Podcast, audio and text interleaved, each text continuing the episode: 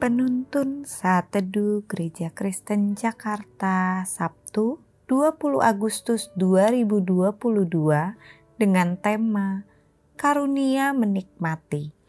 Firman Tuhan terambil dari Pengkhotbah 5 ayat 18 sampai 19 berkata demikian. Setiap orang yang dikaruniai Allah kekayaan dan harta benda dan kuasa untuk menikmatinya untuk menerima bagiannya, dan untuk bersuka cita dalam jeripayahnya, juga itu pun karunia Allah.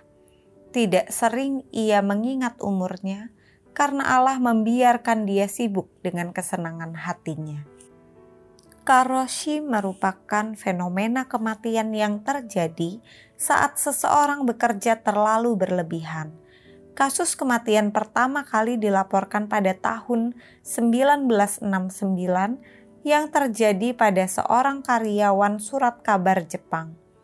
Kasus kematian lain pun pernah terjadi di Indonesia pada tahun 2013.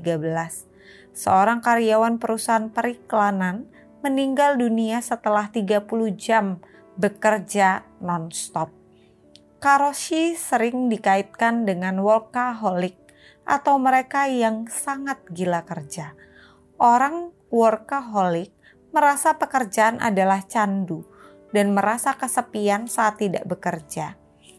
Seorang workaholic bisa berpotensi mengalami karoshi bila ia bekerja terlalu lama tanpa jeda istirahat.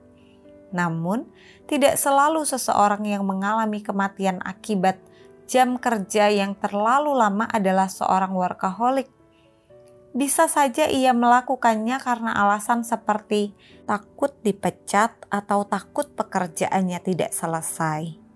Nats renungan hari ini merupakan nasihat untuk hidup bijaksana dalam memandang pekerjaan. Panggilan untuk bekerja merupakan rancangan awal Allah bagi manusia. Artinya, bekerja seharusnya bukan beban, melainkan sebuah sukacita menikmati berkat Allah.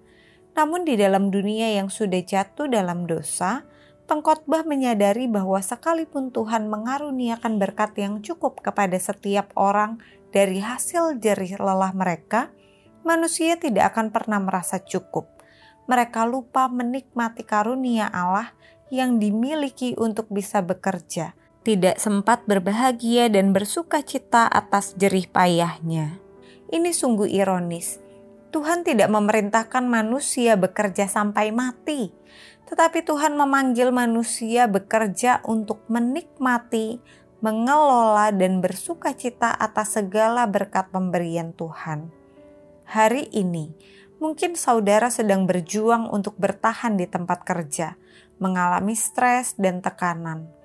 Ambil waktu beristirahat sambil mengingat berkat-berkat Tuhan.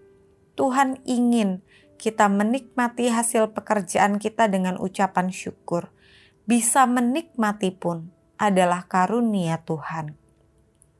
Orang yang bijaksana mengetahui kapan harus istirahat, kapan harus beraktivitas, dan berapa banyak waktu yang diperlukan untuk masing-masing.